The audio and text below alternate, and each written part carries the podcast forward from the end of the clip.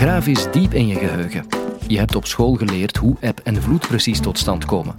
Maar wist je dat je het wellicht verkeerd hebt geleerd? Gelukkig maakt sterrenkundige Christoffel Waalkes het tot zijn persoonlijke missie om iedereen het hoe en het wat van eb en vloed bij te brengen. Dit is de Universiteit van Vlaanderen.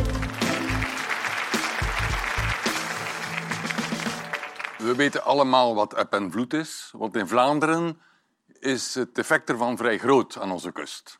Als u misschien ooit eens in de Middellandse Zee naar de kust bent geweest, dat de getijden daar minder sterk zijn dan bij ons. Er is minder verschil tussen eb en vloed.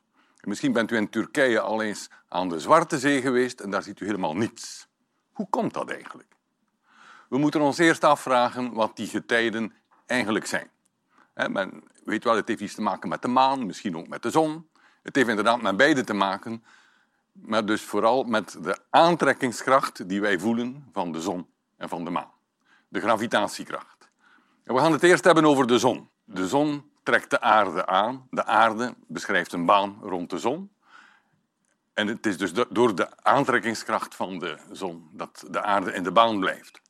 Dus enerzijds hebben we een kracht van de zon op de aarde, een pijl naar binnen. Dus als alleen die kracht er zou zijn, zouden we gewoon op de zon vallen. We vallen niet op de zon, omdat we eigenlijk al een snelheid hebben die ons eigenlijk van de zon wegstuurt. Dus we bewegen ongeveer op een cirkel, dus eigenlijk de beweging is rechtdoor. En als die kracht er niet zou zijn, dan zouden we rechtdoor blijven vliegen. Dus van de ene kant die kracht die ons naar binnen trekt, die snelheid die ons naar buiten haalt. En die twee houden elkaar netjes in evenwicht. U kent misschien de wiskundige uitdrukking voor die gravitatiekracht, hè, door Newton gevonden. De gravitatiekracht is evenredig met de massa van de zon. Hoe meer massa de zon zou hebben, hoe meer gravitatie. Omgekeerd evenredig met de afstand van de, tot de zon in het kwadraat. Hoe dichter we dus bij de zon staan, hoe meer gravitatie. Als we dus gaan kijken naar een andere planeet, dichter bij de zon, die voelt een sterkere kracht naar de zon en om in haar baan te blijven moet die sneller bewegen. Mercurius en Venus bewegen sneller in een baan dan de aarde doet. Aan de andere kant, Mars of Jupiter, of gaan zo verder, planeten verder van de zon, voelen minder kracht en bewegen dus trager. Dus het is belangrijk te beseffen dat hoe verder van de zon, hoe kleiner de snelheid eigenlijk moet zijn om in een baan te blijven. Zou, zou Mars bijvoorbeeld even snel als de aarde bewegen, dan gaat hij naar buiten. Hetzelfde voor Mercurius of Venus. Als die ook maar zo snel zouden bewegen als de aarde, dan bewegen die niet snel genoeg voor een afstand en vallen die naar binnen. En dan gaan we het eens bekijken voor een ronde planeet, ja, de uitgebreidheid van de aarde. Hoe zijn de getijden die we zien vanuit het standpunt van de aarde? De aarde op haar afstand A van de zon met een straal R. Met dus een afmeting. En dat betekent dat er eigenlijk op aarde punten zijn die dichter bij de zon staan en andere punten die verder van de zon staan. De gemiddelde snelheid van de aarde is die. Eigenlijk de snelheid van elk punt op aarde rond de zon, want het hangt aan elkaar. Dus die grijpt eigenlijk aan in het centrum van de aarde. Maar als wij een ander punt op de aarde bekijken, neem nu een punt dichter bij de zon of verder van de zon, dan gaan wij zien dat die met exact dezelfde snelheid rond de zon bewegen. Uiteraard, want ze hangen vast aan de aarde. Maar dat betekent dus dat dat punt aan de binnenkant, als het niet aan de aarde zou vasthangen, eigenlijk te traag beweegt, want het staat dichter. Het beweegt te traag, dus het heeft een neiging om naar binnen te vallen. Terwijl het punt aan de buitenkant beweegt eigenlijk te snel. Het heeft de neiging om naar buiten te gaan. En dat is het punt waar men altijd last mee heeft bij de getijden. Het is precies alsof de aarde dat punt wegduwt of de zon wegduwt. En ze trekt toch. Nee, nee. Er wordt niet geduwd. Het is door de grote snelheid dat het in zekere zin weggeslingerd wordt uit de baan. Dan kunnen we dat uitrekenen, dus van het standpunt van de aarde. Dus we zien aan de ene kant dus de getijdenholf gaat weg naar eh, buitenuit, aan de andere kant naar binnenin. Maar om het juist te berekenen, is het goed om het probleem te gaan bekijken vanuit het standpunt van op aarde. Dus hier hebben we het van op het standpunt vanaf de zon gezien, de aarde beweegt. Nu kijken we naar de aarde en we bewegen ons mee met de aarde.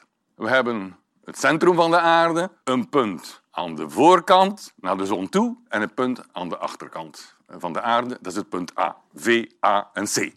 De gemiddelde afstand, daar grijpt de gemiddelde aantrekking aan en die is nog steeds gelijk aan gm gedeeld door a kwadraat. Maar als wij nu gaan kijken in de punten A en V, dan staan wij ofwel iets verder ofwel iets dichter. Dus die A die in de noemer staat, dus die afstand, is in het ene geval A min R geworden en in het andere geval A plus R. Dus aan de voorkant hebben we eigenlijk iets meer aantrekking. Aan de achterkant iets minder. En wat is nu de getijdenkracht? Het is het verschil tussen de gravitatiekracht in een bepaald punt min deze in het centrum.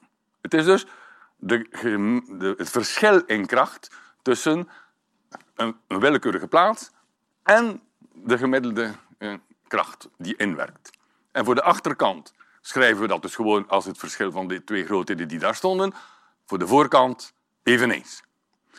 Voor de achterkant zien we dan dat de eerste term een beetje kleiner is dan de tweede. Dus het is min, het wijst naar de buitenkant. En voor de voorkant zien wij het tegenovergestelde. De eerste term is groter, het, wijst, het is plus, het wijst naar de binnenkant. En maar waar rekenwerk niet zo moeilijk, maar hier hoeven we dat niet te doen, kunnen we de grootte van dit alles uitrekenen. We kunnen uitrekenen wat dat verschil is. Hè? En wat vinden we dan? Dat de getijdenkracht niet meer 1 over a kwadraat is, maar 1 over a tot de derde. Dus voor de wiskundigen onder u gewoon de vorige uitdrukkingen in reeks ontwikkelen en het komt er zo uit. En het is die a tot de derde die het verschil maakt en waarom de maan belangrijk is. We gaan dat vergelijken tussen de maan en de zon nu. Laat ons zien hoe de zon zich gedraagt versus de maan. We weten dat de gravitatiekracht, de aantrekking, met m gedeeld door a kwadraat gaat, terwijl de getijdenkracht met m gedeeld door a tot de derde gaat. En dus de massa van de zon is groter en de a is groter. We gaan eens vergelijken hoe dat allemaal eruit ziet. Wel, vergelijken we de massa's van beide, dan stellen we vast, de massa van de zon is 30 miljoen maal groter dan die van de maan. Aanzienlijk, hè? Maar de zon staat ook veel verder. 400 keer verder. En in die gravitatiekracht gaat het over het kwadraat. Dus we moeten die 400 maal 400 doen. We vinden 160.000. En zo de massa is 30 miljoen keer groter. De a in het kwadraat maar 160.000. Wat is de verhouding van beide, die dan de verhouding heeft van de gravitatiekrachten?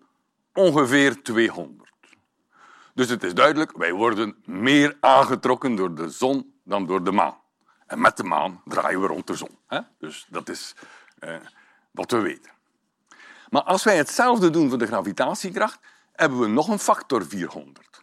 Dus als wij gaan kijken voor de verhouding van de afstanden tot de derde macht, dat is 400 maal 400 maal 400, dat is 64 miljoen. En doen we dan de verhouding, doen we dan de deling, maken we dan de verhouding, dan stellen we vast dat de getijdenkracht van de zon, gedeeld door de getijdenkracht van de maan, ongeveer een half is. Dus de maan trekt is inderdaad belangrijker voor de getijden dan de zon. De maan werkt twee keer zoveel op de aarde op gebied van getijden dan de zon. Tweemaal is niet zo verschrikkelijk veel. Hè? De zon doet ook mee. Maar de maan twee keer harder. En soms helpen ze elkaar en soms werken ze elkaar tegen.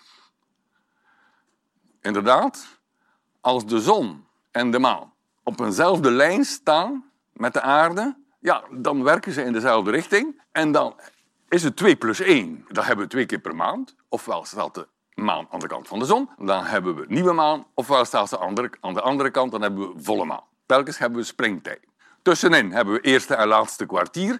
Dan maken de twee richtingen een rechte hoek. En dan werken ze elkaar tegen. Dan is het 2 min 1, dat is 1. Doodtij hebben we dan. Dus springtij is drie keer zo groot dan doodtij. Zo hebben we de getijden verklaard. En nu die vraag over waarom hè, het aan de Middellandse Zee bijvoorbeeld minder is dan bij ons. Hoe moeten we dat begrijpen? Wel, we hebben hier een kaart van Europa.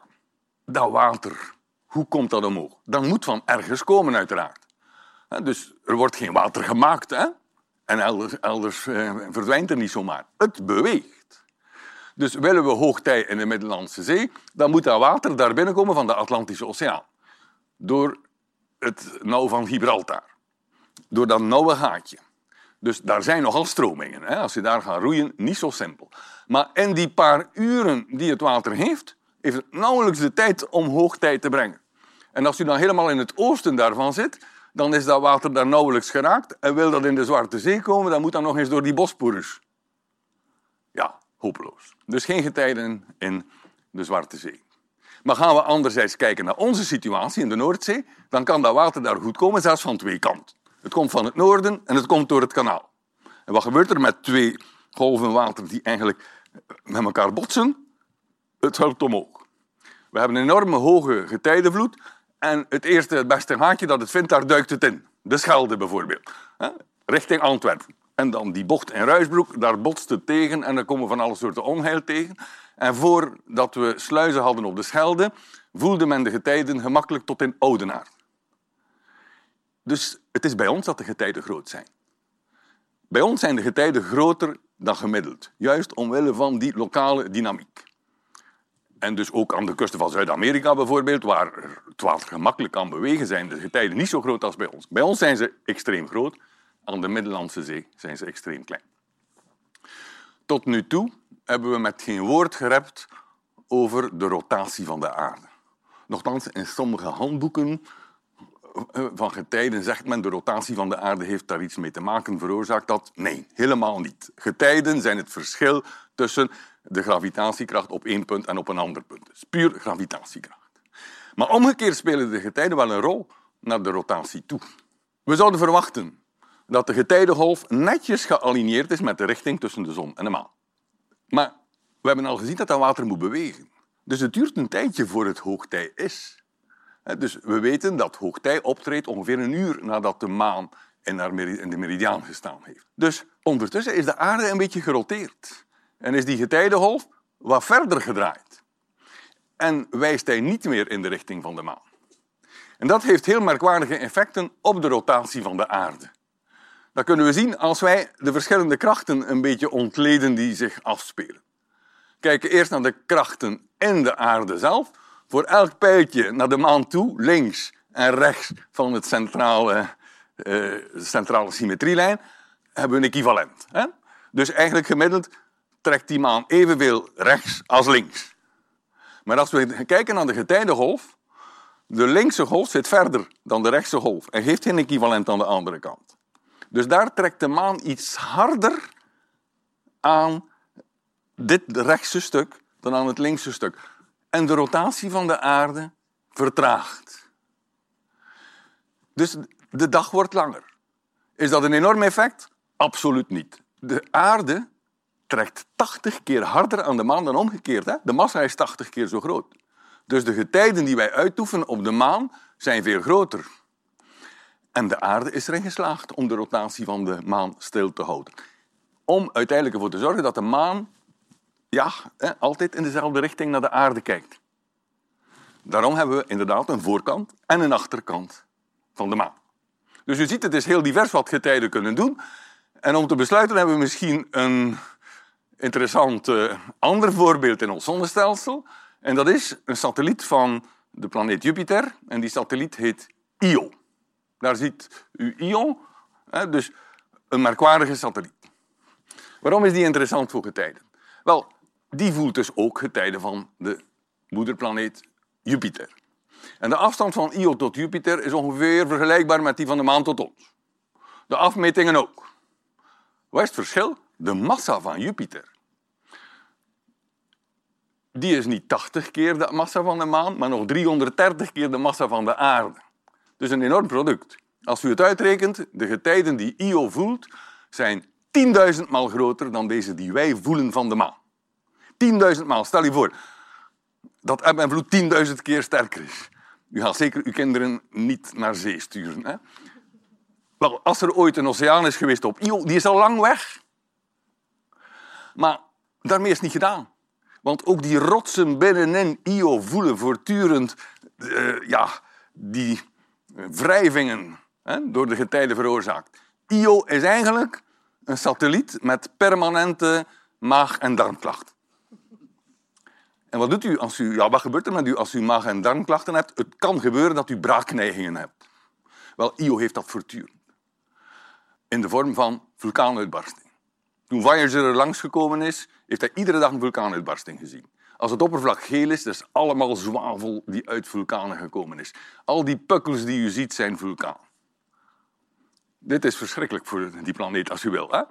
Stel je voor, hè, u bent misschien ooit ongelukkig en u voelt zich de meest verstotene persoon op aarde als u maag- en darmklachten hebt. Wel, als dat zo gebeurt, vind uw troost in Io. Al sinds miljoenen jaren ondergaat hij het elke dag. We kunnen dus besluiten waarom is er eb en vloed. Eigenlijk omwille van het verschil in gravitatie hè, op de verschillende plaatsen in één bepaald lichaam. En dat kan in heel verschillende omstandigheden zijn. We hebben al gezien in het zonnestelsel heeft dat heel veel verschillende toepassingen, allemaal in functie van de grootheden die er zijn. Maar ook bij sterren en zelfs tussen sterrenstelsels treden de getijden op.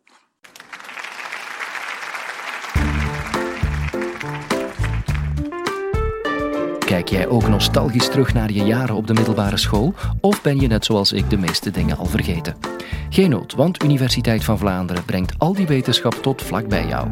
Like of deel en al die kennis komt in de mum van tijd terug.